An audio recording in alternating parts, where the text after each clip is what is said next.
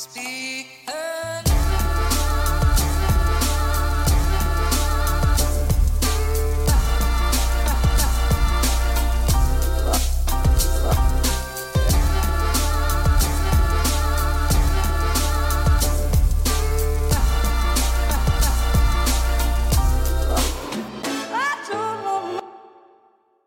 da, la oss bare kjøre i gang. Velkommen hit til Klagemuren. Det er onsdag den 11. august. Klokka mi er 08.59. Så eh, det må jo gå an å si at den er ni. Og det vil si at når klokka er ni, så går min mobil av eh, av eh, ikke forstyrr. Ikke forstyrr. Og det er en funksjon som jeg har som jeg, som jeg holder mitt, mitt hjerte nært. Fordi at jeg er virkelig en av de Jeg er en av de som eh, er for dårlig å legge framme mobilen på kvelden.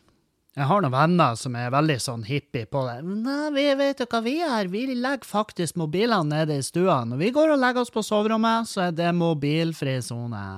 Og det er jo supert, da. Hvis det går an for de.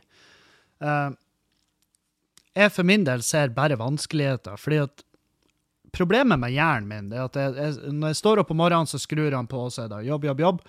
Um, og om det er jobb, jobb, jobb, det er jo selvfølgelig mange dager. Spesielt nå i sommer har det vært ekstra mange av de hvor jeg er bare ikke jobb, jobb, jobb. Jeg er bare sofa, sofa, sofa. Sant? Um, men, men problemet er at jeg blir, så, jeg blir gjerne kreativ, hodet begynner å fungere når jeg går og legger meg, og det er fett irriterende. Sant? Og det er typisk som meme, uh, meme-materiale, at, at eh, du går rundt og er sløv hele jævla dagen, og i det sekundet du er borte i senga, så, så er hjernen din sånn her, OK, nå drar jeg på jobb, du får kose deg. Sant? Så kroppen din og hjernen din jobber på skift. Eh, og det er jo det man må prøve å unngå. Eh, eneste problemet jeg ser med å legge mobilen utenfor soverommet, det er jo den selvfølgelig åpenbare, det her med vekkerklokke. Eh, for min del så har jo ikke da all verden å si. Om jeg står opp klokka eh, seks, som jeg gjorde i dag, eh, eller om jeg står opp klokka ti, det har ikke noe å si. Eh, fordi at eh, som regel så har ikke jeg noen avtaler før rundt eh, lunsj. Og, det er, ikke, og det, det er ikke dermed sagt at jeg bare står opp og så driver dank fram til lunsj. Jeg gjør masse greier hjemme. Men det er liksom ikke det som er mest prekært bestandig. Akkurat nå så er jo podkasten prekært, for den skulle jo vært ute i går. Um, men Det her er jævlig artig. Det er ikke så artig. Det er bare, det er bare en typisk Kevin-ting å gjøre. Uh, for jeg har vært i Kirkenes, sant? Jeg har vært i Kirkenes i helga, og så uh, kom jeg hjem, og så ser jeg bort på iMac-en, og der ligger ikke lydkortet, det ligger bare tastatur og mus. Og så er jeg sånn, faen, lydkortet mitt, hvor har jeg da? Og så kom jeg til å huske på at jeg prøvde å ta opp lyd når jeg var i Kirkenes. Eh, Jeg hadde jo kamera med meg for å filme sett, eh, så skulle jeg ta opp lyd eh, rett ut av miksebordet, og da trenger du gjerne et lydkort og litt sånn. Og, og, og da brukte jeg et sånn Focusrite-lydkort som jeg har her hjemme. Og det er siste gangen jeg brukte lydkortet, ifølge minnet mitt. Så da fikk jeg panikk, fordi at da har jeg lagt igjen lydkortet i Kirkenes. Det var, da, det, var det jeg konkluderte med. Uh, så drev jeg på, så måtte jeg kjøre på Skubba i går kveld og hente det svære lydmiksebordet, det podcasteren, Rødecaster Pro. Uh, og det er ikke den jeg bruker hjemme, for den er stor og klumpete, og vi har studioet i stua foreløpig. Noe jeg vet, og Julianne begynner å hun begynner å gjøre seg tanker om hvor lenge blir det sånn her, egentlig? Hun, hun har ikke spurt så mye, og det tror jeg er fordi at jeg tror iMac-en har hengt så lenge på TV-bordet nå at, um, at at den er bare blitt en del av stua. Sånn at hun, Julianne hun legger egentlig ikke så jævla merke til det. Uh, men det er jo klart, nå når jeg prater om det, så vil jeg jo da vil jeg jo eh, på en måte fyre opp under den flammen, at hun kan begynne å lure igjen. eh, hvor lenge blir det sånn her? Jeg bare lurer, altså. For hun er veldig Hun skjønner at den har en rolle, hun skjønner at utstyret mitt eh, har en eh, jobb. Hun vet at Ja, hun vet at podcasting er en viktig del av hverdagen min, ikke bare økonomisk, men også bare rent for at jeg må ha noe å gjøre i de periodene hvor det ikke er så mye å gjøre. Sant? Så, så hun, eh, hun har ikke klaga en gang på at den er der. Men enhver, ethvert menneske med teft for eh, interiør, eller ikke engang teft, bare du har fargesyn og, eh, ikke, og ikke går med udiagnostisert pluss 20 i styrke på hvert øye, så vil den iMac-en som henger i en sånn skrivebordsarm, eh, skrudd uh, neatly fast på midten av TV-bordet, uh, den vil være i øyefallene, og du vil konkludere med at hm, sånn vil ikke jeg hatt det. og det, jeg tror det er veldig masse folk vi har på besøk her som, som ser denne iMac-en, og så tenkte jeg ja, men det, hun bor i lag med Kevin. Og og det her er en typisk sånn idé han Kevin får. Det er sikkert flere av de som tror at den henger der bare for min egen forlystelse. Men vi bruker jo den når vi spiller inn podkaster, podcaster, men også hovedsakelig så er det jo de her um, Verna bedrift-podkastene, som er han Dag, Dan Robin spiller inn, fordi at uh, der er video og lyd, og det krever litt PC. Krever litt Mac um, der, da. Men uh, ja, hvor, eh, hvor, var jeg? Hvor i faen var jeg? Hva det var jeg prata om? Um, ja, jeg, tro, jeg trodde at lydkortet lå oppe i Kirkenes. I dag når jeg begynte å koble opp det svære lydkortet, så snudde jeg iMac-en ut, og der ligger han. Der ligger lydkortet mitt. Og da demrer det for meg at det lydkortet er brukt opp i Alta, nei, i Kirkenes, det er tilhørt lydmann der. Uh, som, uh, så, så, det er jo veldig lang historie, men kjedelig. Poenget var at jeg, jeg flirer av meg sjøl for en jævla rotekopp jeg har sittet et uh, hjul i bevegelse for å få tak i det lydkortet som uh, skulle ha ligget oppe i Kirkenes. Jeg har gjort uh, Jeg har liksom fått han lokale legenden, Pål Riise, til å ta kontakt med lydmannen for å finne tak i det lydkortet, sånn at de kan fære på posthuset og sende det nedover til meg. Det artige hadde vært om de faktisk tok det lydkortet som tilhørte venuen, og så bare sendte det i posten til meg og bare gikk ut ifra at ja, det tilhører sikkert han Kevin, da. Og så har jeg to lydkort, og det har jeg ikke bruk for. Så, så ja. Men um, ja, så dagen i går ble Jeg var jævlig effektiv i går. Jeg var sykt effektiv. Uh, eh, Sjøl om jeg ikke fikk spille inn podkasten. Jeg har gjort så djevelsk mye husarbeid. Uh, gjort masse så, Jeg har av, avisa fryseren i det ølskapet. Ja, vi har et eget kjøleskap oppe i gangen som, som, mer, som har et litt mer alkoholprega tema i, på sitt innhold, og det har også en fryser som også er alkoholpreg eh, til en viss grad. Og, og, eh, og, det har eh, det, Fryserdøra der det, Jeg har ingen problemer med den, men det er noen i huset som har det. For den går ikke helt att, eh, med mindre du følger med. Og du må løfte litt på den, og så dytte den. Det er litt sånn herk. Det, du burde kun forvente bedre av et kjøleskap. Fordi at eneste jobben til et kjøleskap er å være tett, og kaldt, sant? Mens uh, den, der, uh, den der luringen oppe i gangen, han gjør bare ei av oppgaven uh, knirkefritt. Så når fryserdøra blir stående bitte, bitte litt på gløtt, så iser den over. Noe som har skjedd nå. så jeg tok tak i det, jeg har vaska masse klær. Pakka ut av bagen etter Kirkenes. Vaska kjøkkenet, støvsuga gulvet. Altså, støvsuga gulvet skal ikke jeg ta så jævlig mye ære for, for jeg trykker på en knapp på en liten sånn robotjævel så, som svirrer rundt i huset. Som jeg har fått et veldig sånn Jeg har fått et veldig eh, Altså, jeg har gitt den en personlighet. Uh, jeg heier på den. Eh, han heter Robert Julianne, som fant det navnet, selvfølgelig. og så har vi et sånt stue... For eksempel spis, stuebordet vårt. Det, det er laga med sånn ramme som den robotstøvsugeren må kjøre over uh, for å komme seg inn under eh, stuebordet. Vanligvis så løfter jeg bare stuebordet og hiver det i sofaen, og så får, uh, får han Robert kjøre i fred. Men i går så satte jeg ned stuebordet før Jeg trodde, jeg trodde Robert var ferdig med jobben sin. Det er det som er litt herk med de her robotstøvsugerne. Jeg ser ikke noe system i, i hvordan han støvsuger. Jeg, først er han i stua, bare, ja, her er jeg, og så kjører han rett ut på kjøkkenet, som er i motsatt ende. Og så er han der i ti sekunder. Jeg ble lei, jeg tar litt av stua igjen. Så, så jeg satte ned det stuebordet litt for tidlig i går, og da fant Robert ut at under der må Jeg har glemt å støvsuge under der, og bordet er på plass. Men for første gang siden vi fikk den der jævelen, så har han greid å komme seg inn under stuebordet.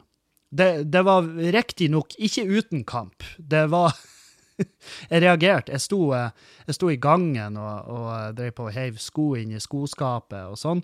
Så hører jeg Det høres ut som han river stua. Jeg fikk jo fette panikk, for jeg trodde han reiv ned TV eller et, et iMac eller noe sånt. Og, og jeg kommer inn, og da, da var han under stuebordet og, og svirra. Og jeg prøvde å få ta det bildet så jeg kunne sende til Julianne. For her- jeg innser at robotstøvsugeren vår er jo det nærmeste vi har et barn i huset. Uh, bortsett fra han Dan Robin, da. For han, Dan Robin blir om til et barn etter uh, Når han tipper 2,5-3 i promille. Og sikkert mange som hører på. Nei, du hvis du har over 2,5-3 i promille, så er du bevisstløs. Nei, det er du ikke. Ikke hvis du er ikke hvis du er en seasoned, uh, veldig herda dranker, sånn som vi gjerne er i det huset her, spesielt han Dan. Han, eh, han blåser jo når, når, når han blåser i en sånn alkoholmåler, så får du som regel tilbake failure, uh, som er som er vel det internasjonale tegnet på at her er det dags for en blodprøve. Og ja, så jeg har gjort eh, masse husarbeid, gjort masse bookingarbeid, både for meg sjøl og for eh, og for eh, klubben Standup Bodø. Og jeg kan jo si at av det som vi har Av det som vi har uh, bekrefta til nå, så har vi jo Jeg skal på RDK-festivalen, som jeg har vært bitter for at jeg ble booka til for tredje år på rad. Jeg skal dit allikevel. Uh, 28. august kommer jeg til Oslo og står i Eplehagen. Det er vel klokka sju, tror jeg. Men sjekk ut det festivalprogrammet, for det, det, er en ganske, ganske heftig, heftig lineup i år som i alle år. Så der vil definitivt være noe for alle. Og jeg tar med meg Julianne nedover, det blir så koselig. Så vi, vi er Vi har vært jævlig bortskjemt i år med ferier, vil jeg si. Eh, 1. oktober så står jeg på Bådin, og det med Skamløs N6. Eh, og det kaller jeg Det er jo både en homasj til eh, gode gamle eh, Counter-Strike N6, den beste modden noensinne.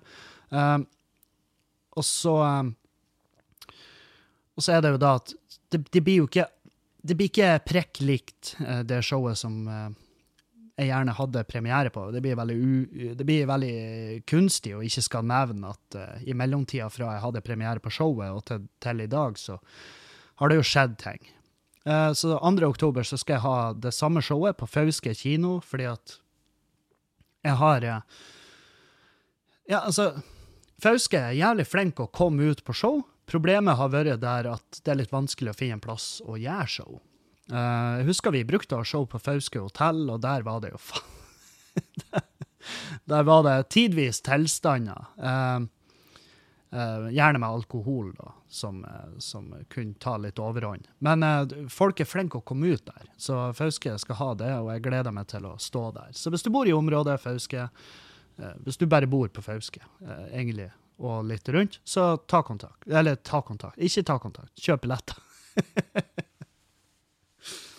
um, ja, og det er vel da som jeg har lov å si noe, men eh, det, det, det er virkelig eh, Jeg skal til Stavanger og gjøre klubb. Jeg skal til Bergen i september og gjøre klubb. Um, og det er vel eh, Skal vi se, da kan vi få de datoene. Jeg vet ikke om de er hemmelige, men jeg kjenner de såpass godt at hvis, det, hvis de skulle bli forbanna på meg, så, så får det egentlig bare være. Uh, ja. 3. september prøver vi å sette opp noe på Sotra. 4. september prøver vi å sette opp noe på Os. 9. september er det på Riks. 10. september er det på Riks. Og det her er jo da Bergen-området. Bergen og omegn, herregud, så koselig, da. Jeg gleder meg. Eh, så det, det begynner å Jeg begynner å få feelingen at eh, det vil ordne seg i høst òg. Jeg har sittet der i et fint system, og det ser altså så jævla bra ut. Og jeg bare For jeg oppdaga nå når jeg innså at jeg står alene Jeg har ingen, jeg har ingen hjelp. det, så, og jeg må ta opp den bukke, uh, bukke, bukkecapsen, uh, sette den på hodet igjen, og så komme ut og ta kontakt med kulturhus, ta kontakt med uh, folk som har ansvaret for bookingen på de respektive stedene, og jeg merker at jeg er rusten. Jeg er så fette rusten i, i det her bookinguniverset. Og jeg vet ikke om det har skjedd ting med, med liksom de vanlige måtene å gjøre booking på, men, men jeg bare får en feeling av at det her, det, det kunne bedre før. Skjønner? Jeg, kunne, jeg, var mye flinkere på det her før. Uh, ja, så Men det begynner å forme seg. Og tusen takk, for jeg får faktisk meldinger fra folk som bor på forskjellige steder, uh, som har lyst til å ha med dit. og av de så blir det mest sannsynlig. Lillehammer er et veldig godt eksempel. Lillehammer er eh, ikke, en, ikke, den mest typiske plassen jeg ville satt opp et show. Eh, fordi at, eh, og jeg har vært der før, men eh, det var liksom solgt helt OK.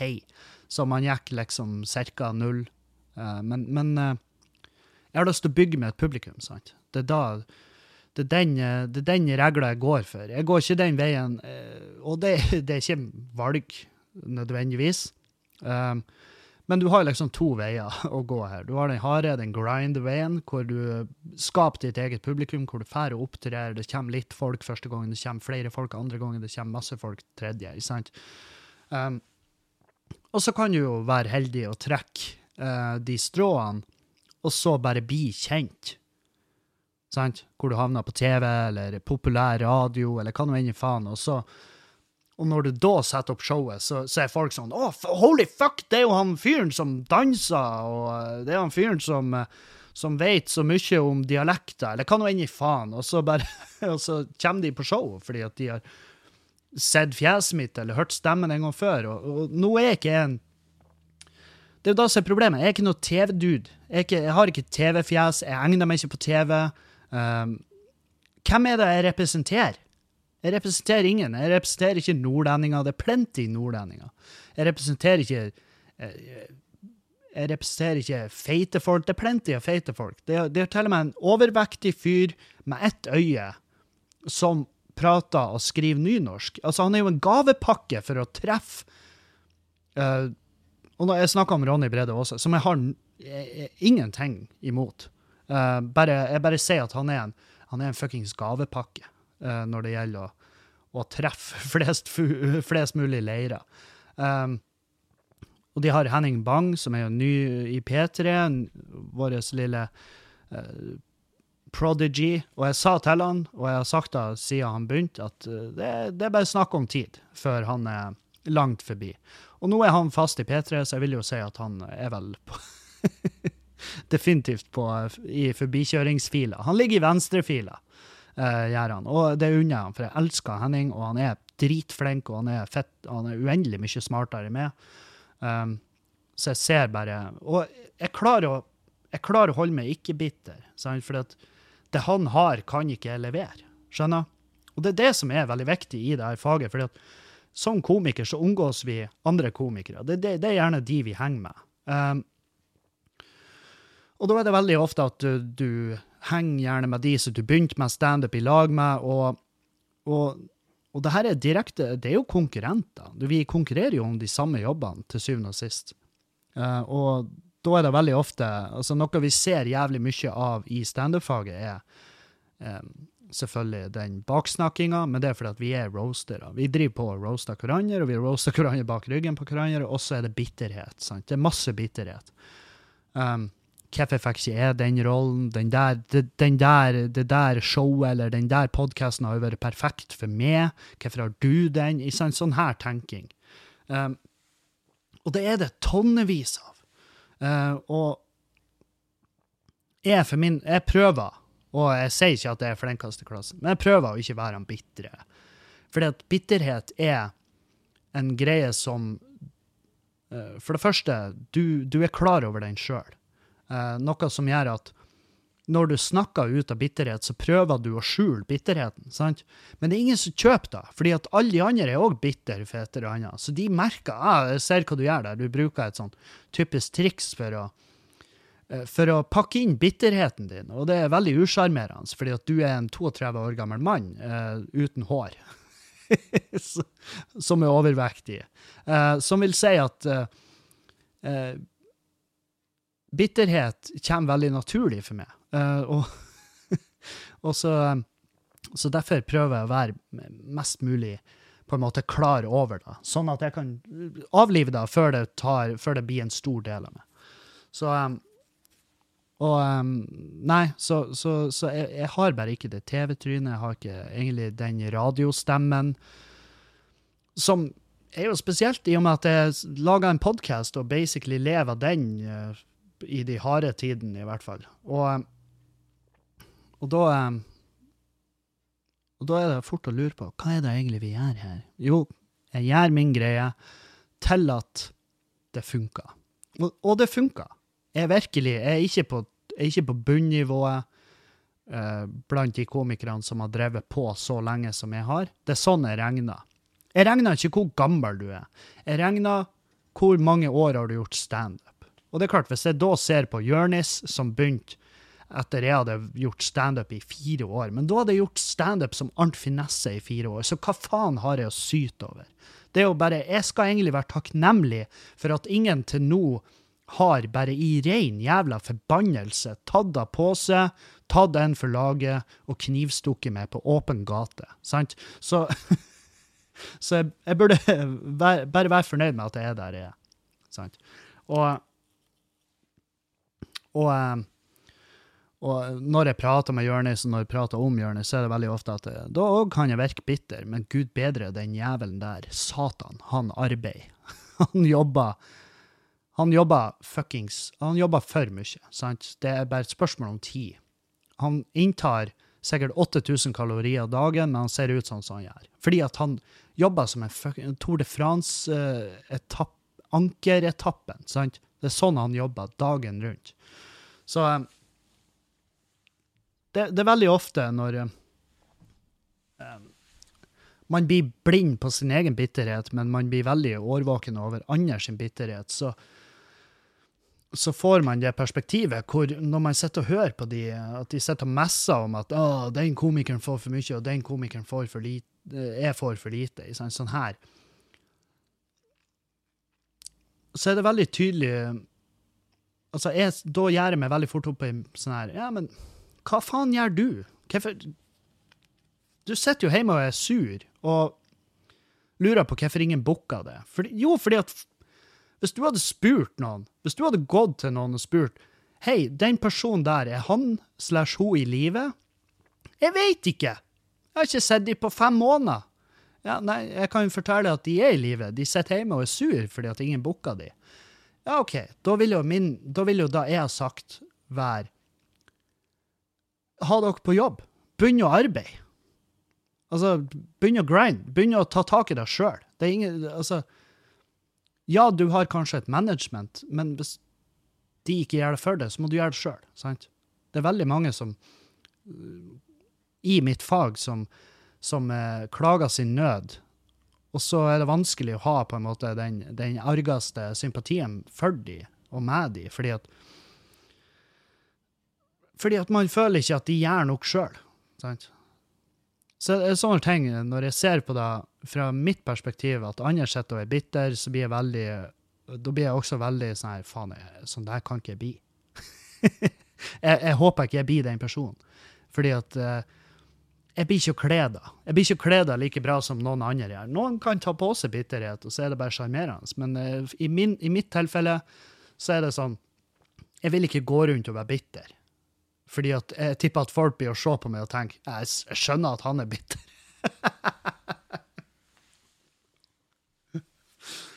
uh, ja, så det Man prøver, man prøver å bli eh,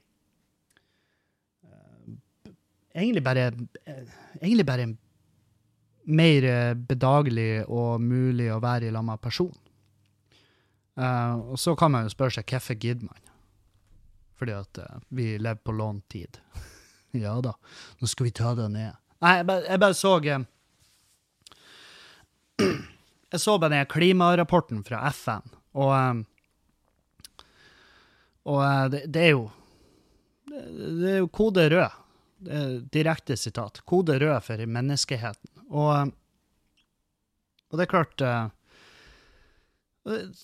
Det har jo vært sagt mange, mange, mange, mange år, og systematisk slått ned, ned i mange, mange år, hvor Norge er definitivt eh, ikke blant de flinkeste i klassen. Altså, det går ikke an å eh, Det er ikke bærekraftig i lengden å bare kjøpe klimakvoter av land som gir fullstendig faen i å oppfylle dem, sant? Så, så, så bare fordi at vi har handla klimakvote, så vil ikke da si at vi gjør klimaet en tjeneste. Det eneste vi har gjort, er å omplassere penger for at vi kan kunne, for at tallene skal se fine ut. Og likevel ser de ikke fine ut. Hva, det, hva var slags pris vi vant? Jeg skulle ikke si gull-Barbie, men en sånn sotete Barbie. Jeg vet faen. Det er i hvert fall en pris for um, Som du gjerne ikke vil Altså, du sender ikke en representant for landet ditt bortover for å motta den prisen. Det er ikke noe takketale, for det er en pris som går ut på å være dårligst i klassen. Norge har definitivt uh, skåra høyt i der. Og det er jo fordi at uh, vi maler et bilde av oss sjøl globalt hvor vi er flinkest i klassen, og vi er onkel pekefinger borte i Skandinavia, vi har masse penger, uh, og så gjør vi ikke en drit sjøl. Sant? Det blir som det, det, det blir som uh, Og det er hykleriet, sant? Og hykleriet er, det er definitivt til stede. Og hos meg òg. Jeg er jo en hykler som faen. Jeg kan sitte her og messe om klima så mye jeg vil, men jeg har, det er jo Altså, senest i februar kjørte jeg jo rundt med en Chevrolet. Sant? så, så jeg skal holde kjeften min, egentlig. Men så er det så kommer de klimarapportene, og så ser jeg kommentarfeltene, og så mister jeg trua og trua, og så mister jeg trua, så blir jeg deppa over at jeg har mista trua, så kommer det en liten stemme i hodet mitt som sier du har jo ikke hatt trua på fem år, hva du snakker om? Skal du bli dramatisk for at noen har fratatt deg noe som du ikke har kjent følelsen av på lenge? Slapp av. Og hvorfor stresser jeg? Sant? For jeg, jeg har ingen arvinger. Jeg har jo ingen arvinger, så det går jo ikke utover meg. Det, altså, det vil jo gå utover meg i aller høyeste grad, fordi at ekstremværet øker, hetebølgene øker, eh, og, og det er fint mulig at det går fullstendig til faen innenfor min levetid. Men um, jeg har i hvert fall ikke unge å drasse på som jeg kommer til å være bekymra for når vi flykter over, eh, over Hågen her for å berge våre egne liv. Da er det veldig greit å ikke ha en, en seksåring i armene. Sant? Det er veldig fint. Så bare Altså, det, det, klimaet svinger, det har det gjort i, siden verden ble uh, skapt. Men nå uh, gønner vi så hardt på at uh, vi hjelper veldig til. Og det er jo det som er. Folk bare Nei, det er ikke menneskeskapt. Nei, men det er menneske... Altså, vi er jo irritert, da. Vi er jo fucka med det. Sant? Vi gjør det ikke bedre. Det, folk kan jo ikke med hånda på hjertet si at jeg tror det er bra for klimaet at vi At vi sager ned all skog. At vi pumper opp olja og bare skvetter den utover. sant? Overalt hvor vi ser. Og jeg vet at stort sett alle produkter er til syvende og sist oljebasert. Jeg vet at det, det er ikke bare å slutte. Det er ikke bare å slutte. Det, det, må alternativer på banen før vi tar det. før vi setter den endelige troppa. Før vi støyper att oljebrønn i eh, hvor nå en slags hav. Jeg skjønner at det er ting som må være på plass før da.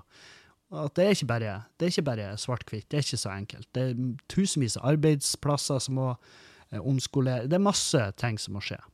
Det er derfor de setter klimamålene veldig langt fram i tid. Uh, Heriblant 2050, sant? 2050, da er jeg 60 år. Sant? Så Og er det, en, er det en oppnåelig alder for meg? Det vet jeg ikke. Jeg håper da, fordi at hvis det ikke er en oppnåelig alder for meg, så vil det si at det er forbi halvveis i livet. Som er en typisk sånn tanke som kan stresse det veldig. sant? Å, jeg skulle lære meg så mye, jeg er bare halvparten av livet igjen. Jeg skulle lære meg å spille gitar, jeg skulle, jeg skulle bli fit, jeg skulle eh, sprenge maraton i lag lag med Dag Sørås. Masse ideer som bare begynner å haste, hvis det er over halvveis i livet. Og ja, jeg vet det her høres ut som en midtlivskrise. Mange vil kanskje påstå at jeg har tegnene til en fyr som er i nevnte krise, men jeg, jeg føler ikke på det sjøl. Men det er vel også en, en del av meninga med midtlivskrisa, det er at du skal ikke føle på det sjøl. hvis du føler på det sjøl, så er du ikke i den. Så, um, så ha nå da i tankene at når du står på campingen og blåser Staysman og Lass utover Servin Vega-anlegget ditt og lager en fuckings flammekaster med en boks hårspray og sniffer bingotusjer til lunsj, så er du en del av grunnen til at barnebarnet ditt blir nødt til å selge sitt eget rævhull for en boks spagetti Remini i 2065. sant? Og jeg for min del er 75 år gammel da, og jeg tipper at jeg og Julianne at vi bor i ei strømløs hytta i skauen og drar og trør rundt i hempgenser og ingenting annet. Hempgenser og penis ute i fri fuckings luft. Og vi lever kanskje som veganere da, men vi har hengt opp, vi har laga sånne her eh, drømmefangere rundt i skauen som er laga av lange tånegler og kjønnshår. sant? Og de henger rundt i skauen til skrekk og advarsel for eventuelle folk som skal eh, trenge seg inn på vårt område. Og vi er kanskje veganere på dette tidspunktet, men vi et gjerne en feit jævel i en Camaro.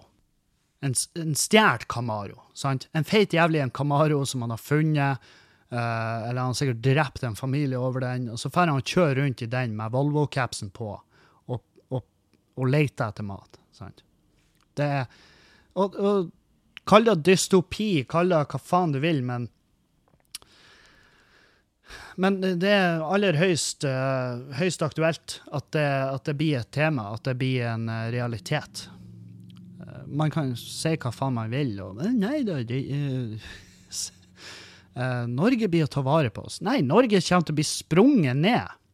Etter hvert som det blir ulevelig eh, rundt ekvator, så vil jo Norge altså det, Hvorfor tror du at eh, utenlandske investorer har begynt å kjøpe landområder i, i Skandinavia, i Norge, og jo, jo lenger nord, jo bedre? Fordi at de er ikke fette dum. Og de, og, og gjerne så er det lettere for de å handle på vegne av fremtidige generasjoner. For det er en litt annen, en litt annen stolthet i bildet, hvor, det, hvor, de, eh, hvor de på en måte gjør handlinger på, på vegne av slekt, ikke av seg sjøl. Fordi at det her er det ære og, og en lang historie som skal videreføres. sant? Så om 50 år så bor det en saudiarabisk sjeik på Unstad i Lofoten. Og det gjør det den dag i dag. Det er vel en prins. En saudiarabisk prins. Noe de tydeligvis har uendelig av. Når jeg googla det. Så øh, Nei, det er vanskelig å tro på verden. Vanskelig som faen. Jeg fikk tilsendt en sak hvor at det er en åtteåring en, en åtte år gammel hindu i Pakistan som som skal møte i retten eh, for blasfemi, hvor straffen veldig ofte er bare døden. Og først, den første saken jeg fikk tilsendt, der sto det sjuåring dømt til døden for blasfemi. Og det er ikke, det er ikke helt der ennå. Det, det er en rettsprosess som skal gjennomgås. Og jeg tviler på at det pakistanske rettssystemet blir å tillate at en åtte år gammel hindu blir henretta pga. at han har pissa i biblioteket på en madrassa. Um, og madrassa er ikke det man Det er ikke en madrass, det er ei skole. Typ religiøs. Uh, veldig ofte muslimsk. Islam. Uh, har jeg lest. Jeg vet ikke om det er 100 sant. Jeg vet ikke om det kan være madrasser som har um, som, som er liksom hinduismens madrasser. Jeg vet da faen. Det her er grunnen til at jeg ikke går inn på temaene, egentlig. For jeg vet veldig lite om det. Men jeg vet at hindu er, en veldig lite Altså, det er en ekstremt liten religiøs gruppe i Pakistan. Det eneste som er mindre enn eh, mindre prosenter enn hindu der, det er kristen, kristne folk. Og kristne folk vet vi jo via Amnesty og nyhetene at de blir henretta dag inn og dag ut i Pakistan. Som sikkert er grunnen til at det er veldig få prosenter som er oppgitt som kristne jeg for min del, som en, eh, som en eh, ateist eh, Jeg vet ikke hvor jeg hadde stått. Jeg hadde sikkert ikke levd trygt i Pakistan. Og i hvert fall ikke sånn som jeg prater i dag. Altså, hadde jeg posta denne episoden, så hadde jeg blitt, mest sannsynlig blitt dømt til døden for blasfemi i Pakistan. Jeg hadde sikkert bidd det bare med å få trø der. For pakistanere hadde sett meg og lurer på hva gjør du her egentlig? Det jeg ser det, jeg har sett det her i et år nå, du er jo tydeligvis ikke på ferie. Og jeg bare nei, jeg, tenk, jeg har flytta hit. Tenkt, jeg spiller inn podkast på rommet mitt, og så prøver jeg å lære meg pashto, sånn at jeg kan gjøre, sånn gjøre standup på den lokale open mic-scenen. Og det hadde ikke tatt lang tid. Det hadde ikke tatt lang tid før jeg hadde hissa på meg eh, masse feil folk, og da til syvende og sist blitt henrettet. Um, og nei, selvfølgelig er det ikke gjevt at en åtte år gammel gutt skal hen, uh, potensielt bli henrettet. Og det tror ikke han blir. Um, og foreldrene er sånn Han skjønner ikke hva han har gjort. Han skjønner ikke hvorfor det her er en case. Han er så ung. Og det er du gjerne. Når du er åtte, så skal du ikke være nødt til å ta stilling til at handlingene dine i går kan koste livet i morgen fordi at du pisser inne på hellig grunn. Og og så er jo For her er det jeg stusser på. Uh, hvis, hvis, hvis, det var en islamsk skole han var inne og pissa på biblioteket på, hvorfor var han der? Og det forklarer jo Hei. Og det her er ikke meg som prøver Ja, men eh, se da noe fra den andre sida. Jeg bare lurer på hva gjorde han der inne, hvis det, hvis det jeg har lest riktig.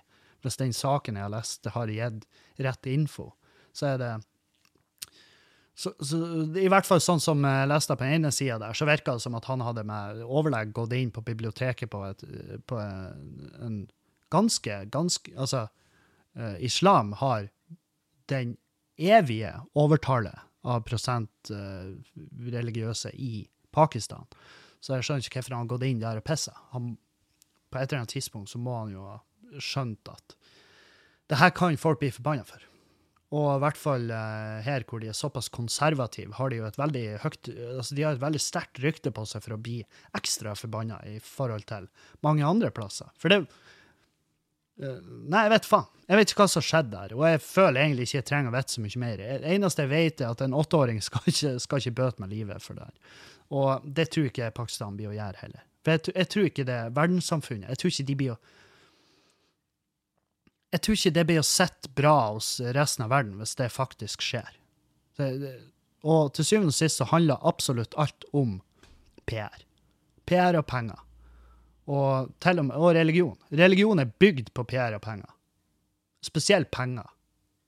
Og man kan tro hva man vil, men det hele greia er et veldig, veldig bra organisert pengespill, hvor folk får uhorvelige mengder summer på toppen, og så, har, og så pyramidespiller vi oss nedover hvor det til slutt er ei trollgammel dame som legger peng masse penger i kollektbøsser i håp om at Gud skal frelse henne fra leddgikt eller grå stær, eller hva nå enn i faen som sakte, men sikkert bryter ned kroppen hennes. Så ja.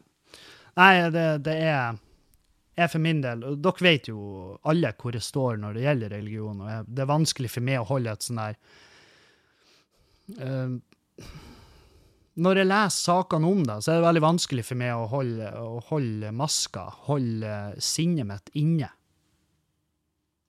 Men eh, nå skal ikke jeg gå på en eh, beinhard eh, religiøs rant igjen. Da, vent litt, skal jeg plugge i laderen? På Macbooken Jeg har fått veldig masse meldinger om mo mobilstøy.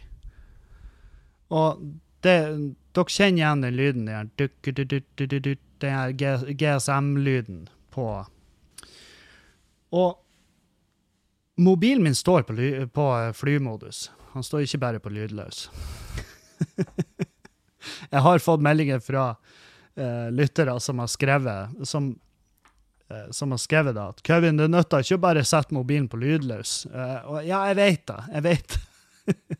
Jeg tok skolebuss som ung. Eh, Da, da husker jeg det var fett irriterende at bussjåføren hadde liggende en Motorola eh, mobiltelefon i det lille compartment, i det, i det lille lille, åp, den lille hylla under radioen på bussen. Så hver gang han fikk melding eller noe sånn, så hørte jeg bare over anlegget. Og det, den lyden den er brent fast i minnet mitt, og jeg vet den er fett irriterende, men jeg klarer bare ikke å forstå hva det er som er grunnen til den. eh, at den av og til kommer. Men jeg har sånn at det er ikke så ofte at, eh, at eh, lytterne stikker av. At de er sånn Nei, vet du hva, det er bare mobillyd på hele podkasten. Det er ikke sånn. Og da tenker jeg at inntil at jeg finner ut hva det er, så får det bare gå. Jeg blir ikke å stenge meg inne i et Faraday-bur og spille inn podkasten der. Um, for det, det er mye arbeid å bygge. Jeg skulle gjerne hatt et rom som jeg kunne si her inne er det ingen som lytter. Sant? Jeg skulle gjerne sagt det. Ikke fordi at jeg trenger det, jeg tror ikke noen spaner på meg, og hvis de spaner på meg, så gjør ikke jeg jobben deres vanskelig, for å si det sånn. Men, uh, men uh, det er bare en kul ting å kunne si. Sant? Det som har, når du har gjester, og bare kom inn her. Merker du noe spesielt med rommet her? Og de bare nei, ingenting. Det lukter litt fis her. Men, ja, det, det er med. Men eh, ikke bare det, men det er ikke mobilsignal her inne. Det er et tett rom. Det er et sikkert rom. Og så blir jo de selvfølgelig og spør ja, men hvorfor da? Og så blir jeg veldig svar skyldig, fordi at det er sånn Oi, jeg, jeg trodde du kom til å digge det her like mye som jeg gjør, men det er jo åpenbart at det, det er tydeligvis bare jeg som har den. Og, og eh, det er eneste grunn til å ha det. Jeg blir ikke å ta det steget for podkasten sin del. Uh, Ennå, i hvert fall. Um, ja, nei Men jeg ville jo jeg ville jo ha gjort det hvis det var det som var nødvendig. For jeg, jeg, jeg Og jeg prata mye om det siste med folk rundt meg, og sånn, og, og det er liksom det her med å Bare tanken med å gå tilbake til arbeidet jeg har gjort. Det, det skremmer vettet av meg. Og så er det også en del av det som jeg har innsett. For som tømrer, jeg har ikke holdt meg oppdatert på de nye standardene. Jeg hadde måttet gå det helt, helt ny lærlingetid, basically. Og bare for å trødde i hælene på en eller annen 22 år gammel gutt som hadde fagbrev, sant? Og så hadde jeg blitt jeg hadde, Vi hadde mest sannsynlig ikke kobla. For jeg husker når jeg var For jeg husker når jeg var tømrer, og det kom eh, voksne mannfolk inn i businessen, og det var gjerne ufaglærte, men de var sånn, litt sånn gjør det sjøl, potetbygdesnekkere, sant, så men så gjorde de jo en masse greier som var rart, og jeg, og jeg sa gjerne høflig ifra. Nei, det, det her tror jeg er litt gammeldags. Jeg tror ikke det er vanlig å jeg tror ikke det er vanlig å isolere yttervegger med avispapir og brukte jakker, og så sier de 'hold kjeft, guttkvalp, du aner ikke hva du snakker om'. Og så OK, nei, men det er greit. Ikke sant? Og jeg, jeg tror jeg hadde kommet til å bli en av de karene. Sant? Det skal Jeg er veldig, veldig ofte gammeldags der. At med en gang du yngre enn meg, så stoler jeg ikke på det. Og jeg, jeg, den blir jo utfordra daglig, den her den her uvanen her, den ignor ignoransen jeg får gå rundt med. Fordi at, for eksempel, jeg er rimelig sikker på at legen min er yngre enn meg. Jeg tror min fastlege er yngre enn meg. Jeg tror han syns det er spennende å sitte og høre meg fortelle om livet. Eh, fordi at åpenbart er jo livet hans annerledes. Han er allmennlege, sant? Um, men så Nei, så jeg, jeg tror jeg kunne ikke gå tilbake til tømring. Jeg kunne ha jobba i butikk og med sånne proffkunder. Sånn, det tror jeg kanskje jeg kunne gjort. Um, jeg kunne ikke gått tilbake til helse, for jeg var jo en stund i uh, Hvor jeg jobba liksom på sånn her uh, Hva jeg skal kalle det? Omsorgsboliger, er vel det rett å si. Og det, jeg passer bare ikke inn der. Sant? Jeg kommer inn i et arbeidsmiljø hvor det er veldig masse For det første veldig mange kvinnfolk, og veldig mange kompetente, flinke, strenge kvinnfolk. Um, og så kommer jeg inn og prøver liksom å bringe litt humor på banen. Jeg, jeg husker spesielt når vi var, jeg var på jobb, og så gikk jeg en runde i lag med en av de som hadde vært der siden bygget ble satt opp. Um, hvor vi går gå rundt på huset, og hun um, så sier hun ikke la det skremme av eh, brukerne. Vi har en som bestandig går rundt med en ereksjon i handa, f.eks. Og, så, og så prøver jeg. Tror du jeg lar det ligge? Jeg bare nei. Aha, ja, jeg, det skal du ikke være redd for. Jeg kjenner meg igjen. Og så ser hun bare rart på meg, og så prøver jeg på runde to. På fritida, altså. Eh, og hun flirer ikke. Og jeg tenkte bare ja, ja, nei, det var det. Det var Det gikk utrolig fort. Utrolig fort å male et bilde av meg sjøl som en jævla idiot uh, i den jobben. Uh, bartending kunne jeg gjort hvis jeg hadde Hvis jeg hadde bare kommet meg over det stresset. For jeg, jeg merka at jeg takla det barstresset veldig dårlig. Uh, Dan har vits om det, jeg har vits om det. at det er liksom, en gang jeg får bestilling på noe med mer enn to ingredienser, så får jeg diaré. Og ja, og det får bare være. Det får bare være det, det beviset jeg trenger for at det er kanskje ikke der jeg burde være. Og det er derfor jeg har tatt mer av de andre rollene. Fordi at jeg kler de bedre. Uh, faen. Åh, helvete. Jeg har glemt å fortelle dere noe jævlig flaut. Jeg husker når vi var i Meløy og gjorde show, jeg og Dan Robins, sitter vi på eh, så sitter vi på fest etterpå. Uh, og jeg har kobla meg på anlegget og spiller musikk til gjengen. Eh, men så Julianne er jo hjemme i Bodø. Sant? Og så får uh, så, Og Julianne er hjemme i Bodø, og hun savner meg, så jeg får jo en, en voksensnap. For det gjør vi. Vi snapper hverandre og tar, tar vare på hverandre, skulle jeg si, når, vi, når jeg er ute og reiser. Problemet var at jeg åpna jo den eh, ganske skjetne snappen på Bluetooth-høyttaleren for, foran hele festen.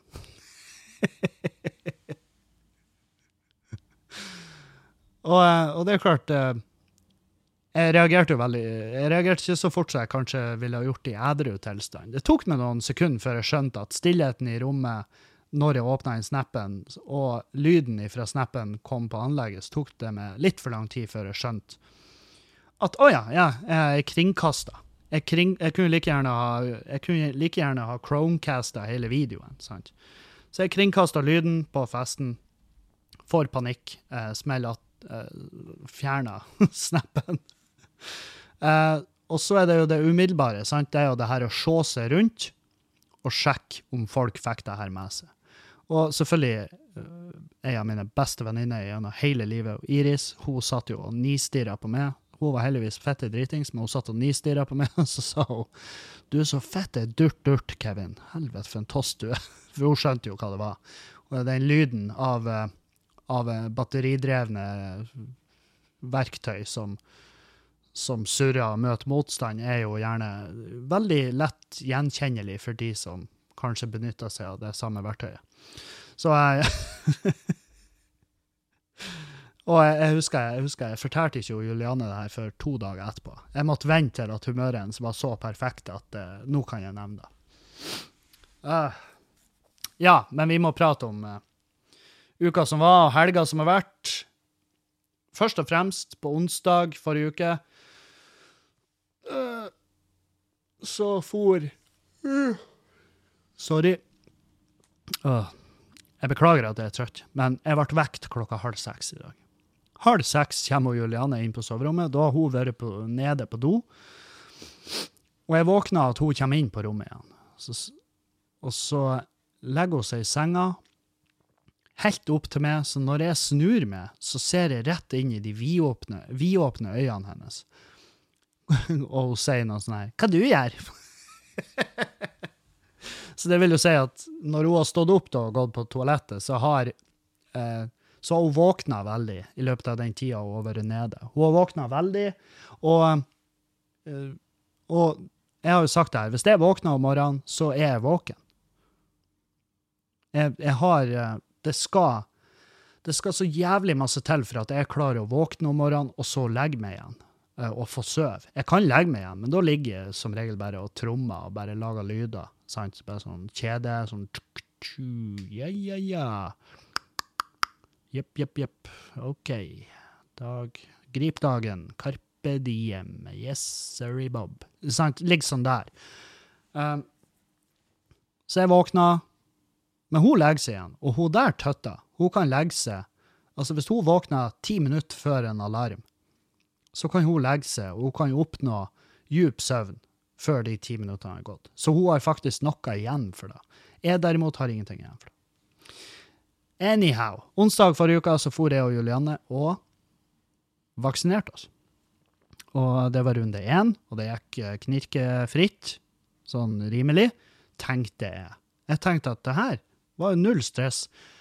Kjente utover kvelden at jeg ble litt øm i armen, og det var jo forespeila. Det var også forespeila at jeg kunne oppnå noen form for influensasymptomer, og jeg var sånn Å ja, jeg trodde det var da vi prøver å unngå her, i og med at covid bare er en influensa. Ingen humor på det.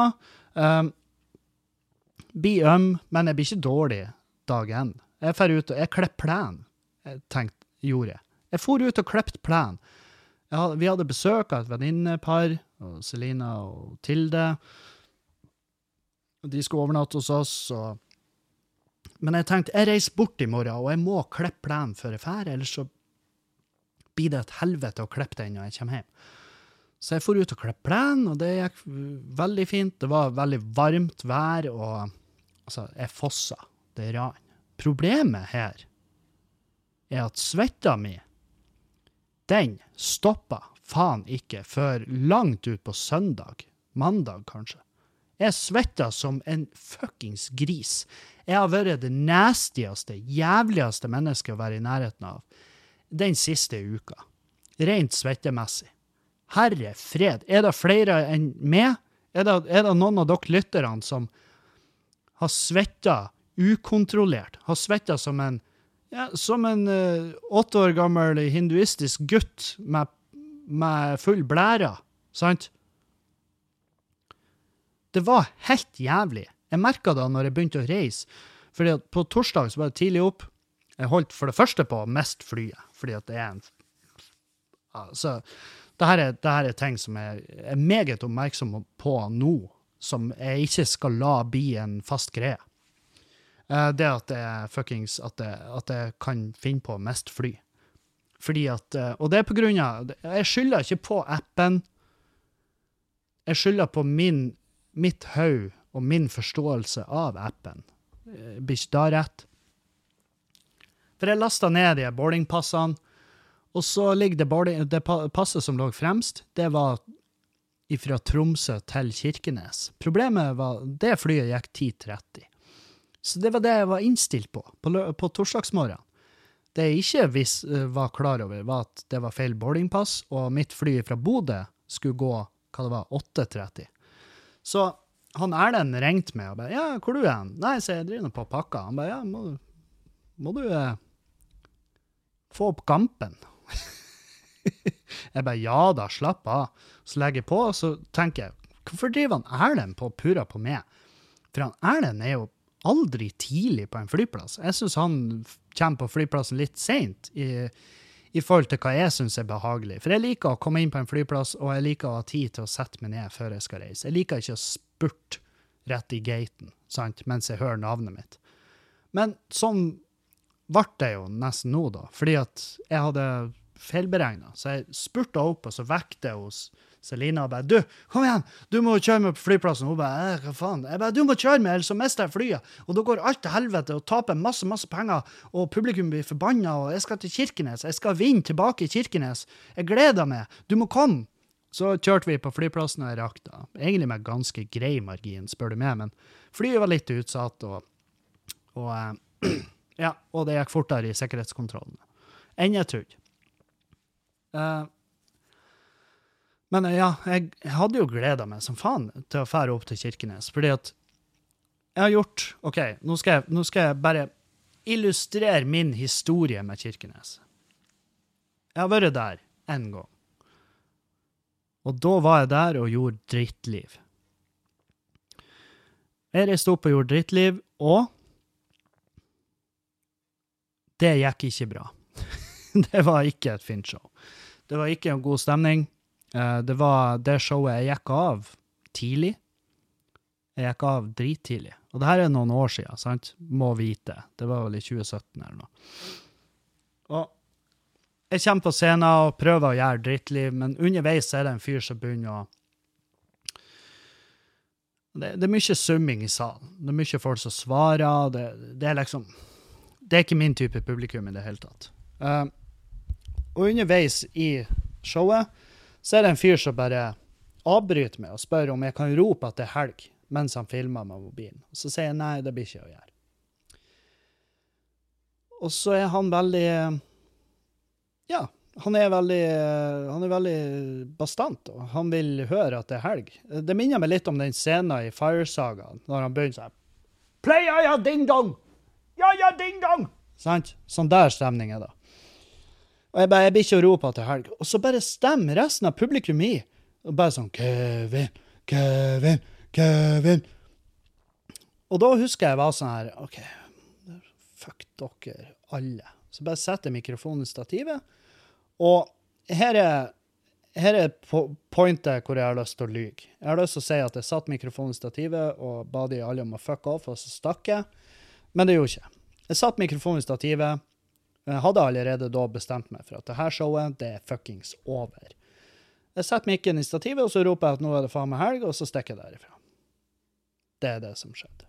Det er det ærlige. Jeg vet jeg har løyet til flere og sagt den første versjonen av historien, men uh, det, det, er bare ren bullshit. Jeg, jeg vika under for presset, og jeg gjorde det. Og det her er flere år siden. Sant? Og så tenkte jeg vi kjører på en runde til. Eh, så setter vi opp Skamløs i Kirkenes. Det showet ble avlyst dagen før korona. Altså 11. mars. det ble avlyst 11. mars, Uh, dagen før vi hadde en pandemi å skylde på. Skjønner? Hadde vi venta en dag med å avlyse showet, så hadde vi, vi kunnet skylde på Nei, du vet nå at det er pandemi. Jeg husker når de, når de ringte meg bare, ja, vi må avlyse det showet i, i, Kirkenes, og da hadde jo allerede arrangementer begynt å bli avlyst um, pga. koronafrykt. Um, og jeg var sånn åh, den helvetes koronaen. og faens pandemi. Og da husker jeg han sa ja, pandemi meg her og pandemi meg der. Du har jo ikke solgt en jævla billett. Sant? Så, så, det ble avlyst pga. Av dårlig salg. Og, og det er uh, Altså, det er første gangen i min karriere at det har skjedd. Uh, og det er ingenting jeg kan komme på som gjør mer vondt. Uh, for det er liksom, du sitter igjen med ingenting. Du sitter, du sitter igjen med skampengene, som er, det er de pengene som du får etter et show hvor det går dårlig. Skampenger. Du sitter ikke igjen med skampenger. Du sitter uh, kun igjen med et håndfast bevis på at du har ikke et publikum der. sant? Som jeg syns var ufattelig trist. Det var det, det, jeg, og jeg er veldig dramatisk. Jeg takler nederlag dårlig, eller jeg, jeg, jeg krisemaksimerer veldig ofte. Men som Altså, de fleste komikere har jo opplevd det her på et eller annet tidspunkt, men det er bare sånn her ah, bare, Jeg vil ikke ha de her, de her konkrete tegnene på at du må gjøre det sjøl mer Altså, du må bli mer aktiv. Eh, du må komme deg ut, eksponere det sjøl, eller hva nå enn faen. Så så fast forward til i dag, eller i forrige uke. Da skal jeg opp til Kirkenes. Jeg skal gjøre standup i lag med Erlend, i lag med Adam Skjølberg, i lag med Sandra Spjelkavik og Ronny Torsteinsen. Sant? Vi er et fuckings Et veldig variert og et veldig bra lag, vil jeg si. Og jeg kommer oppover, og sjekker inn på hotellet, og så går vi på Surf and Turf, som er en uh, veldig, veldig habil og grei restaurant i Kirkenes. Og jeg elsker han fyren som Jeg vet ikke hva han var, restaurantsjef eller daglig leder, usikker. Tydelig russisk eller østeuropeisk av noe slag. Vi blir møtt av et smil og en hyggelig fyr, han her fyren, i døra. Hvor det første vi reagerte på, var at døra var låst, og det var en halvtime etter de egentlig hadde åpna. så det er en typisk feil som man kan gjøre i den bransjen. Jeg har opplevd det på puben òg. At man kommer dit, skrur på alt og starter musikken og vasker over bordene osv., og, så og så glemmer du å låse opp døra, og så bare står du der og, og henger i baren, og så ser du rundt hjørnet ah, ja, det står faktisk to stykker utafor, og lurer på hvorfor det ikke er åpent. Så det er en ærlig, ærlig tabbe der. Man åpner døra og slipper oss inn. Jeg bare 'Er dere åpne?' Og han bare 'Ja, nå, ja'. og så setter vi oss ned for menyene, og så sier han Velkommen hit til Surf and Turf. Vi har ikke kongekrabbe. Det er ingen, ingen kongekrabbe. Og vi bare OK, ja ja, supert. Og så sitter vi og blar, og så kommer han tilbake etter hvert og bare ja, jeg er klar, bestille. Jeg bestilte meg en, en Cæsar-salat, og Erlend bestilte seg en club sandwich. Um, og Sandra bare Du, jeg tror jeg tar eh, kongekrabbe. Og da ser du bare fjeset på han fyren. Vrir seg i det mest Altså, det fjeset overgikk alt av språk. Altså, du, du trenger ikke å snakke språket for å skjønne at det fjeset der, det sier 'men i helvete'. ah, dere jeg sa dere kom inn. Jeg sa vi har ikke kongekrabbe. Du bestiller kongekrabbe! ja, Erlend sitter jo og fuckings dauer, sant? For det er jo en språkbarriere her, og hun har ikke forstått dialekten, osv. Altså. Ærlig tabbe der òg, men det var veldig gøy. Veldig gøy øyeblikk å være med på. Um, og så har vi gjort, uh, vi fått unna måltidet, og så er vi ned på venuen, som er Offelars Arena. Og det er fortsatt torsdag, sant? Det er dag én. Og jeg må altså bare få si at det showet der er noe av det jævligste jeg har vært med på i mitt liv. og, jeg, og, det er ikke banebrytende jævlig, men, men, hør meg ut. Og i hvert fall hvis det er lyttere fra Kirkenes. Bare hør meg ut. Dere, det, det, blir å flates, og så blir det, og så kommer vi alle til å gi hverandre en klem. Men eh, jeg var først på. Erlend er konf, så han går på først og hilser litt, og så setter han på med. Uh, og, og jeg går på og føler på ingen måte at det her har jeg kontroll over. Publikum responderer ikke på De responderer liksom ikke på de plassene der jeg har planlagt at de skal, så det blir, det blir veldig fort noen sånn kleine pauser. hvor, eh, hvor, det liksom er insert eh, latter her. Um, timingen min er ikke bra. Jeg, jeg svetter umenneskelig.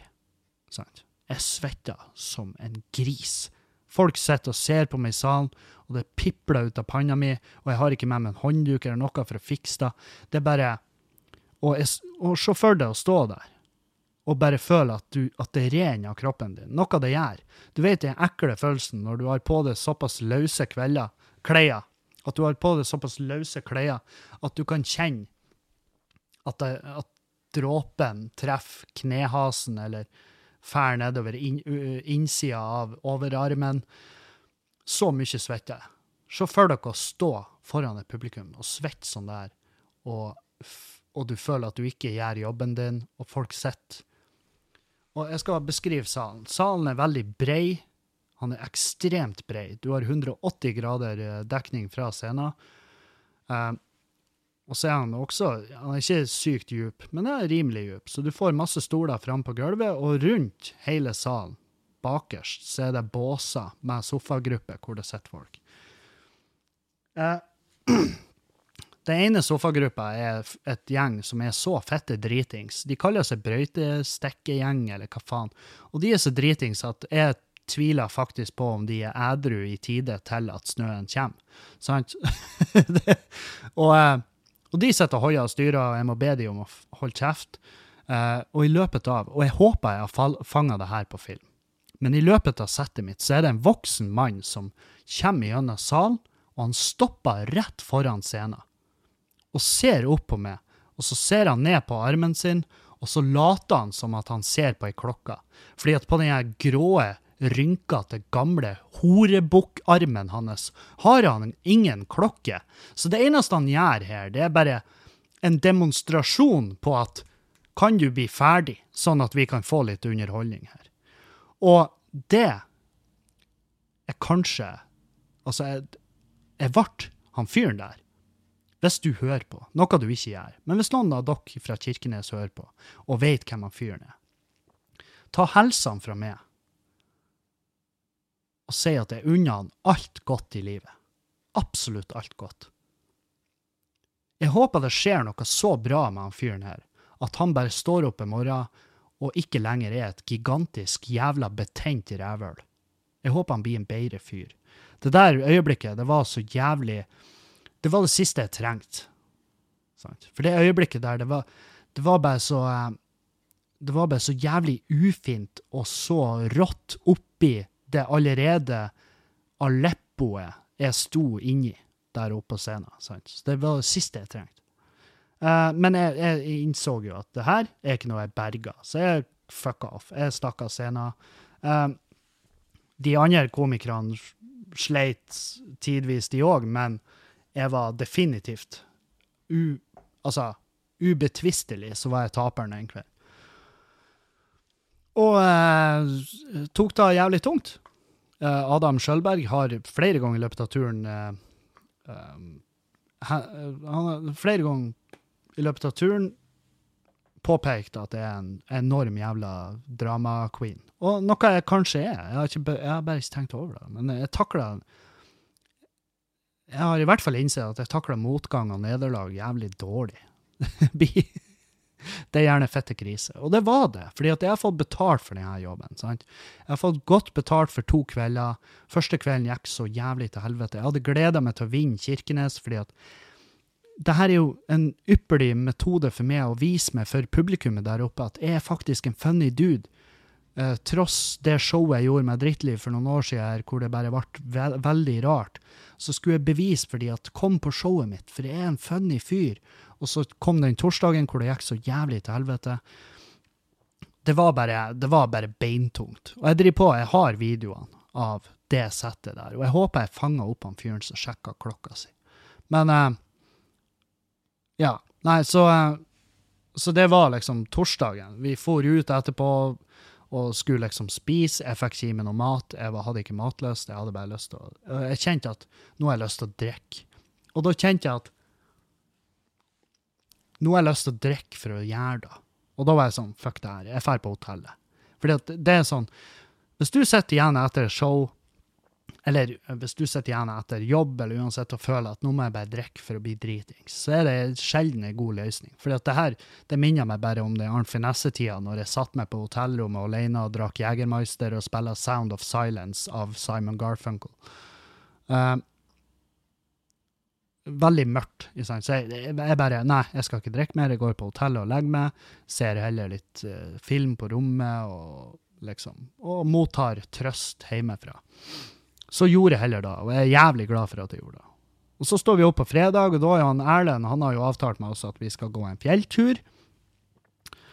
Uh, først ble det foreslått en topp, og så ble den stemt ned fordi at den var bare 120 meter over havet. Det er ikke nok. Og det er for så vidt enig i. 120 meter over havet, det er jo halvparten av Keiserverden, så det er jo ingenting. Men de hadde funnet en tur da som heter ehm, Ja, hva faen heter den? Det er ikke nøye. Bugøynestoppen, eller Bugøynestien, eller noe sånt. Og den var 500 og noe uh, meter over havet. Jeg gikk inn og googla den, og det sto at det Lett til moderat trasé opp til toppen, står det. Uh, skyter sjøl, sier jeg. Skyter sjøl i trynet. det var en helt horribel tur, for meg. Eh, og her er greia. Eh, det, er en, det er ikke en hard tur. Jeg er bare ekstremt dårlig trent for tida. Og jeg var i lag med kun trente folk. Erlend, uh, Sandra og Adam er veldig mye ute i marka. De jogger, de går turer. De går, altså Adam Skjølberg. Ja, på ekte. Adam Skjølberg eh, er fucking Han er en sånn han er kajakkinstruktør eller eller noe sånt, og han har han har vært 5000 meter over havet. Han har vært på det Rainbow-fjellet i Peru. Skjønner? Han, han, han driver på og diskuterer Kilimanjaro, K2. Altså, han, han er der. Erlend vet alle er fette sprek. Han er jo bare et, et, et uberusa eh, Veldig flott mann som er ekstremt bra trent. Sandra Spjelkavik jogger og sprenger masse. Ronny Ronny Jeg vet ikke hva han gjør. Han, er i hvert fall veldig tynn. jeg vil ikke si han er i god form. Er, han er tynn og sprek, har ikke så mye å bære på. Og han, er, han, seg, han, er, han har unger, sant? så han er i bevegelse. Mye mer er med. Så har du meg, da, som kommer der. og var, var greit trent i mai-juni, men nå har jo jeg hatt ferie, en jævlig lang ferie, eh, som ikke har gjort meg godt. Så jeg, jeg prøver å holde følge med de. Sant? Det er da som er minus her. Det er jo at han Erlend har bedt oss med på en fjelltur, men da han Erlend egentlig har bedt oss med på, er bare en seks timer hvor vi skal onanere egoet. Og Så han fær. Han bare forsvinner. Fjong! Av gårde. Med Sandra og Ronny hakk i hæl. Adam Adam henger bak. Adam henger igjen for å henge sammen med. Men jeg prøver på ekte å holde følge, og det er jo det dummeste du gjør. Sant? For den fjellturen der, den skulle jeg greid å gå. Men jeg blir jo stressa av at turfølget vårt bare forsvant. Så jeg stiller opp tempoet litt. Jeg har ikke med meg pulsklokka, så jeg klarer ikke å følge med mine egne soner. Eh, det det her ender med, er at vi bruker 90 minutter opp. Jeg kjenner de siste Det siste kvarteret så har jeg krampe i føttene. I lårmusklene. På innsida av lårene har jeg krampe, like over kneet. Jeg har så krampe at jeg stjeler sånne tur, altså sånne løypemarkeringer og bruker de som stokker når jeg går opp på toppen der. Og det er jo en veldig deprimert Kevin som treffer toppen, fordi at jeg vet at når du har krampa opp på turen opp, så vil nedturen bli helt horribel. Noe av den ble. Brukt 90 minutter opp, vi brukte vel 2,5-3 timer ned.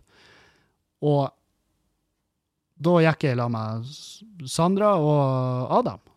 Erlend og Ronny forsvant. De hadde sikkert sett serie når vi kom til bilen. Og den nedturen, den var den varer for evig.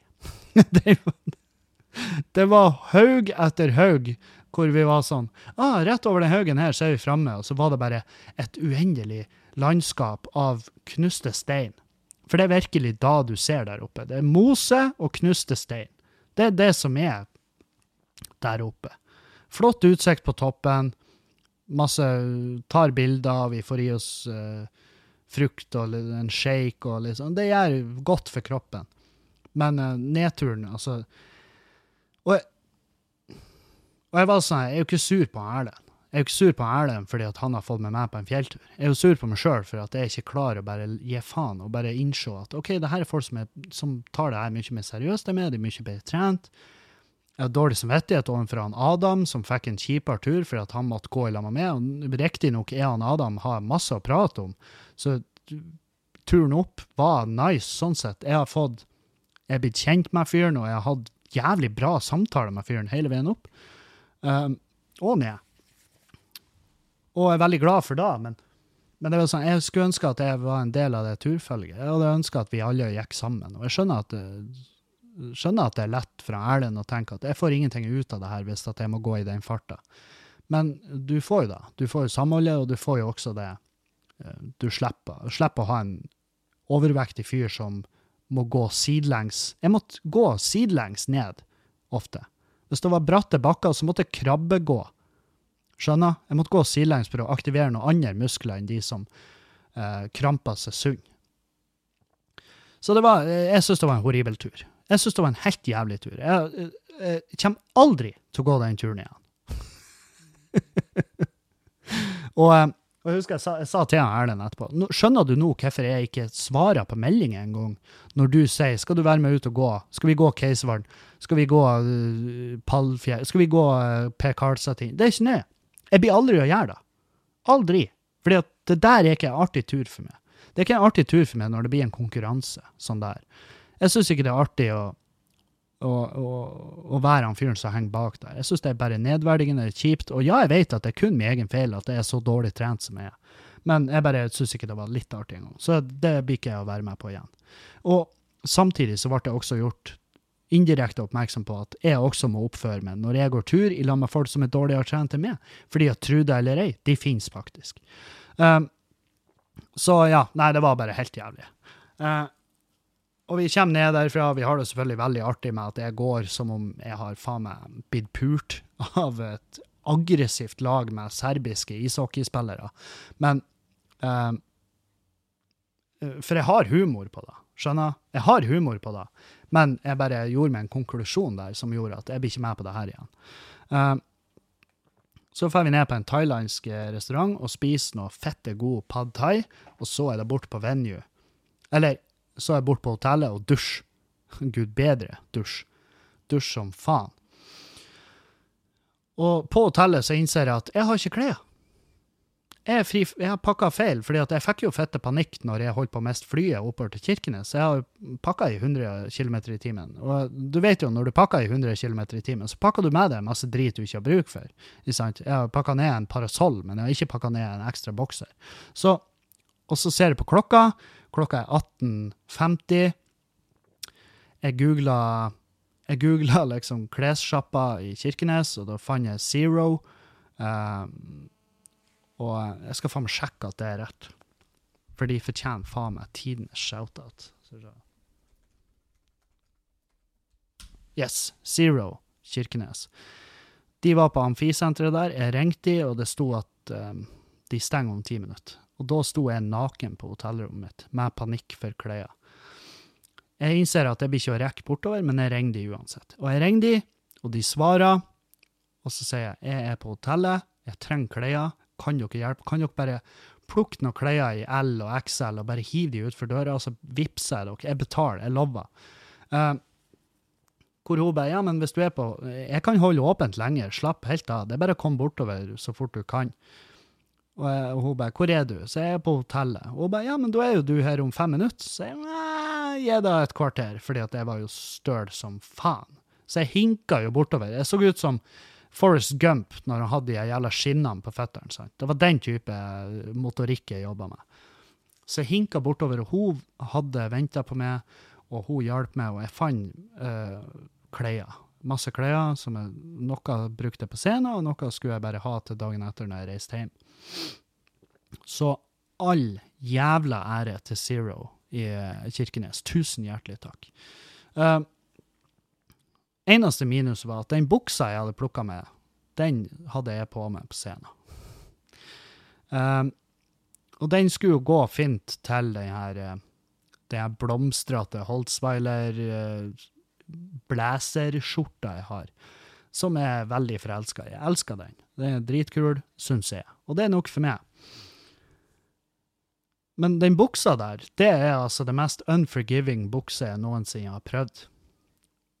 For jeg går på scenen på, på Ofelars Arena på fredag, og jeg lover dere, det publikummet der Det var altså noe helt annet enn det vi hadde på torsdag. Fy faen. Hvis du var i publikum på fredag, og for så vidt torsdag, tusen takk for at du kom.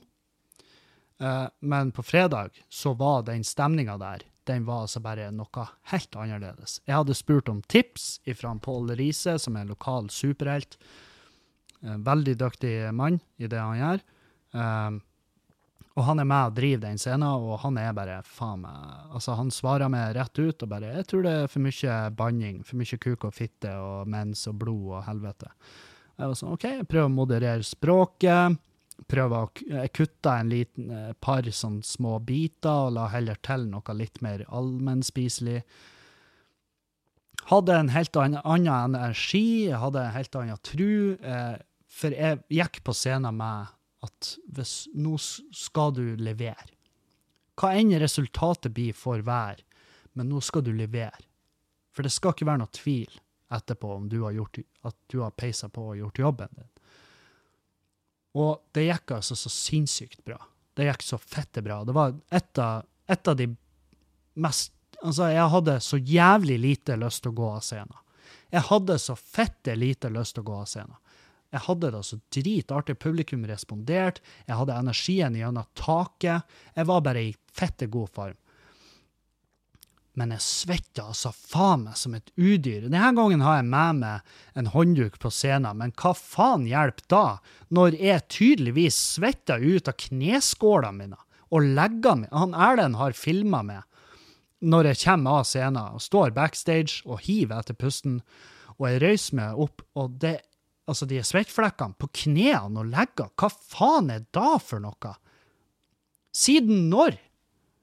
Og jeg skylder på vaksiner, det gjør jeg, fordi jeg har aldri svetta sånn her ukontrollert. Jeg kan ikke huske å ha gjort det siden jeg var veldig, veldig, veldig ung. Når jeg begynte å komme i puberteten, da husker jeg, da svetta jeg også som en jævla gris, og i tillegg så hadde vi ja, vi var i konkursheim. Det var liksom eh, deodorant og sånn her. Det var mer Det var pappa sitt, og jeg hadde ikke helt trua på det. Så jeg brukte Axe body spray og bare dekket over. Sant? Det var den type personlig hygiene jeg hadde når jeg var i puberteten. Så eh, Men i hvert fall, på den tida da gikk jeg jo på sånn aluminiumklorid for å hindre svetta. Problemet da var jo at svetta kom jo bare ut andre plasser. Sant? Så du smør underarmer med altså armhula di med aluminiumklorid, og så svir det noe djevelsk, fordi at det der jævelskapen skal du jo egentlig ikke ha på huden din. Um, jeg vet ikke hva det egentlig brukes til, å fjerne maling. Jeg, jeg har ikke peiling. Jeg ser for meg at du kan kølle det på et ferdig herda epoksydekke, og så kan du etterpå støvsuge det bort. For så jævla sterkt er det driten der. Og det dreiv jeg på og smurte meg under armene med. Og ikke siden da har jeg svetta ut av rare plasser på kroppen. Så jeg, jeg skylder på vaksiner. Og den buksa. At den var jævlig unforgiving. Og det, med det mener jeg at den buksa er så tørr, og, og stoffet er av den typen som viser svetteflekker jævlig tydelig. Så med en gang jeg går på scenen, og det er scenelys på meg som gjør det litt ekstra varmt, så bare er det alle dråper med fukt i hele jævla rommet, bare flykter over hele rommet og treffer buksa mi, og det ser ut som jeg står og bare renner. Noe jeg gjør. Um, men fy faen for et jævlig nice show. Tusen hjertelig takk, Kirkenes, for fredagen. Fordi at Og for torsdagen. Torsdagen fikk meg ned på bakken, fredagen fikk meg opp i skyene. Det var, og det, begge de tingene er viktige. Av og til trenger vi å bli jekka ned. Og det var bare fette nydelig. Det var helt fantastisk. Så tusen, tusen, tusen hjertelig takk. Uh, og så uh, var vi Etter showet, da, så var vi og spiste på et nyåpna sted. Uh, og det heter Restobar. Aurora Restobar heter det. Og der spiste vi fette god mat og drakk gode drinker. Og så for vi etterpå på hotellrommet til Sandra og satt der og nasja og diskuterte alt fra homofobi til rasisme til Altså, det var veldig gode samtaler som ble hatt der. Eh, så ja, nei, det, det var bare en nydelig tur. Så tusen takk, Kirkenes, og jeg gleder meg til å komme tilbake. For jeg sa da at Og det var det var ikke en trussel, eller noe sånt, men jeg sa da på fredagen at hvis det her går ræva, så kommer jeg aldri tilbake til Kirkenes. Og de var sånn, fordi jeg ser fordi at hvis det her går dårlig, så er det fire forsøk. Da, det, da har jeg gjort fire forsøk i Kirkenes. Og da, hvis det går dårlig da, så må jeg jo bare konkludere med at eh, det, er, det var ikke, de er ikke for meg, og jeg er ikke for dem. Sant? Det var litt der jeg var. Og jeg er veldig lite fan av sånne ultimatum, men, eh, men det var i hvert fall sånn jeg følte der og da. og jeg hadde jo kommet til i ettertid og tenkt at det var litt eh, dramatisk av det, fordi at du kommer jo tilbake. Så ja. Um, og så skulle jeg fortelle at jeg har eh, tatt valgomaten, og eh, jeg står eh, Jeg har tatt tre valgomater. ene er NRK sin, den andre tror jeg var VG sin, og så var det en sånn tulle... Faen, det var. Ja, uansett. Og i alle de som ender opp eh, Det, det skifter mellom SV og Rødt. SV og Rødt. Og og opp 85 Nå ser jeg på NRK sin. Jeg er 85 enig med SV og 83% enig med Rødt. Så jeg deler mening i de aller fleste eh, sakene. Og, og det står jo i tråd med det dere lytterne har sagt til meg. For jeg har jo spurt dere hva er det jeg stemmer, og det, det er jo der jeg havner. Akkurat nå så er det aller viktigste for meg, merker jeg, det aller viktigste i hele verden for min del er jo at Senterpartiet ikke skal havne i noen form for posisjon der de har dritt de skulle ha sagt. Det er liksom det eneste som er viktig for meg. Og ja, jeg er på lag med de norske bøndene, jeg er ikke på lag med Sp.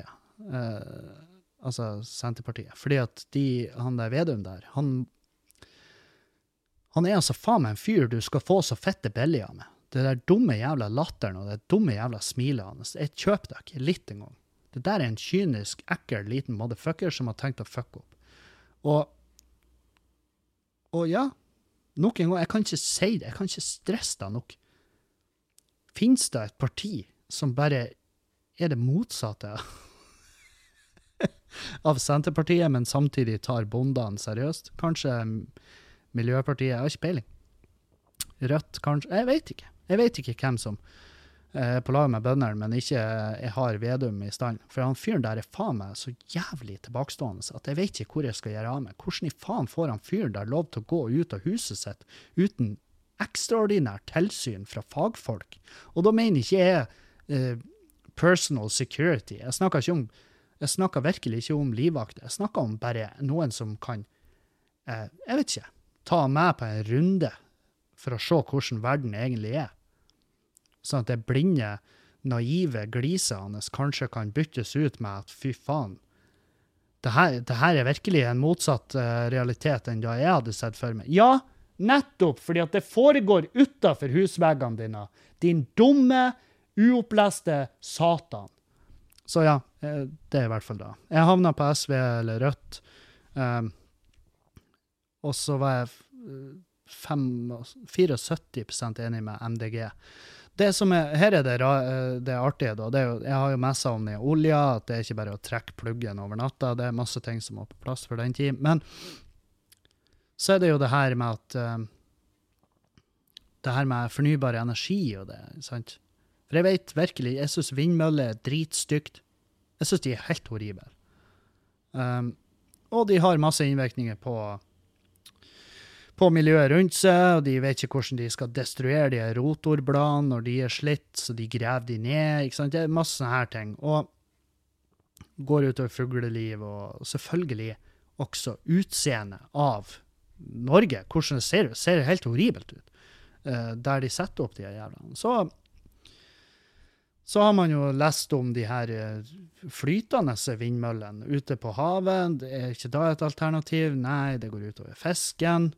Og det samme med det som har vært beskrevet som den ultimate fornybare energien i Norge, det er jo fjordene.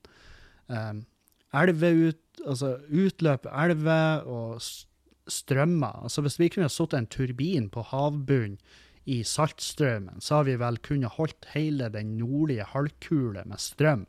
Men det går utover miljøet, det òg. Det er ikke bare sånn at det ikke går utover miljøet bare for at du ikke ser det. sant? Så, um, så, ja, det er jo spørsmålet. Hva i faen skal vi leve etter olja? Og det, det spørsmålet har mange svar, men ingen, ingen, konkrete, definitive, bestemte svar. Og um, jeg er glad det er mer kompetente folk som har med det her å gjøre, foran meg.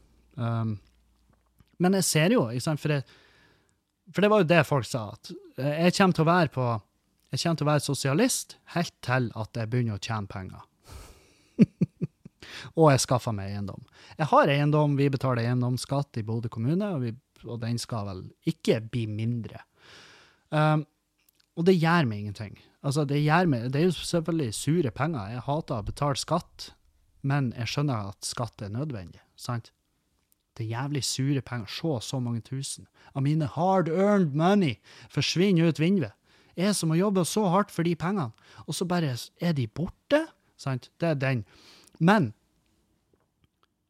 eh, jeg skjønner hvorfor. Så, og jeg skjønner at det går til de tingene det går til. For det må skje. Det eneste jeg skulle ønske, var at de byggesøknadene var gratis. jeg vil ha de under det som blir dekt av AS Norge. Det er det, det eneste jeg vil ha fram. Um, men uh, akkurat nå. Men uh, nei, men akkurat nå så er det aller viktigste for meg det at SP ikke kommer i noen jævla bra posisjon. Jeg håper de innser at med å gå for han Vedum der, så har de gjort en kjempetabbe. Fordi han er fette idiot. Han er fette idiot til tross for det snille gliset hans. Det snille gliset der er ikke snillere enn gliset til Josef Fritzel, hvis du googler det. Der er et bilde der han gliser. Det er, ja, Nei, ser, han ser også ut som en snill bestefar, men det vet, der er noen barnebarn der ute som er uenige. Sant? Så um, Barnebarn, eller barn. Ett barn, flere titler. Um, på den noten, på den lille Fritzel-noten, der skal vi ta kveld. Uh, vi skal høres igjen i neste uke. Tusen hjertelig takk for at dere hører på. Og tusen takk for at dere kjøper billetter til Bådin-showet 1.10, eller showet på Fauske kino 2.10, eller at dere kjøper billetter til RDK-festivalen, altså Reis deg komikerklubb, i Oslo den 28. august eller at dere kjøper billetter til Bergen i september når jeg skal dit. Uansett, tusen hjertelig takk. Vi høres igjen. Og for dere på Patrion, vi høres igjen senere i dag. Jeg skal spille inn en podkast med Dan Robin nå med Verna bedrift. Så adjø, adjø og auf Wiedersehen.